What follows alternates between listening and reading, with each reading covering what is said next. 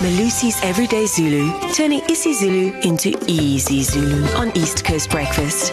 And with that, we say, Sawubona, Melusi. Oh, Shabalala, Shengu. Mnumzane, lithini igama Yebo. lethu namhlanje vethi? Egama lethu lanamhlanje is isithupha. Isithupha. Isithupha. Hey, mfowethu, before you give us the meaning, uh, Darren Moore, isithupha, what is it? Isithupha. Isithupha. Isitupa. Yeah. Did you Yeah. just say Istupa? Isithupha. Yeah. I different think cuts. it might be relate, related to like if you um, if a- anyone who has who works in you know they have a boss in management and then the, the boss goes on holiday with not so much hair and then they come back and they have a lot of hair and you go hey is it a toupee Hayi man wena. then it became Zulu like is it tupa Hayi hayi hayi.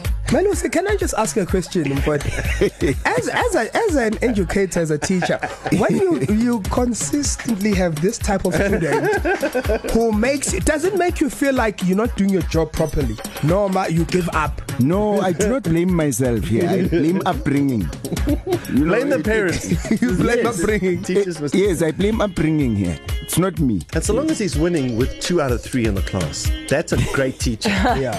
And he's- well, in and South he's- Africa, funny enough, if he was only winning with just one, Yeah. it's a pass. So this is an, this is an exceptional. Eh? 33 baba. Yeah.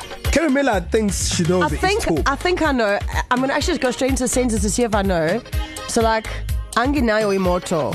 So gidengo ugu kumbisa is tupa sami ugohamba ngemoto yako. Sky. Like, Wow, not- wouldn't that be not when you bad. when you hitchhike Not, not bad, not and you bad. show your thumb? So, yes. Yes. Melusi is Tupa. Isithupha. Yeah. Isithupha is the thumb as well as 6, the number 6. Oh! Hey.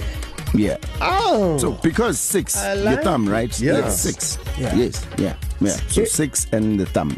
See, I, So wanna- I but- can say half a dozen of one is two part of the other.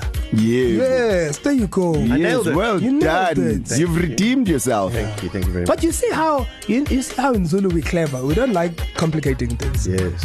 Yeah. We, we hit we hit two birds with one stone. It's two and a number, same WhatsApp group. So number and thumb. So I'm gonna uh, go higher grade here. Mina not the red. Yebo. Sizwana eh mina not the red. Ngathi siyithupha ziyegwayini. Yeah. yeah. What is guayine? Literally, it's Darren and I are like thumbs headed towards a cigarette.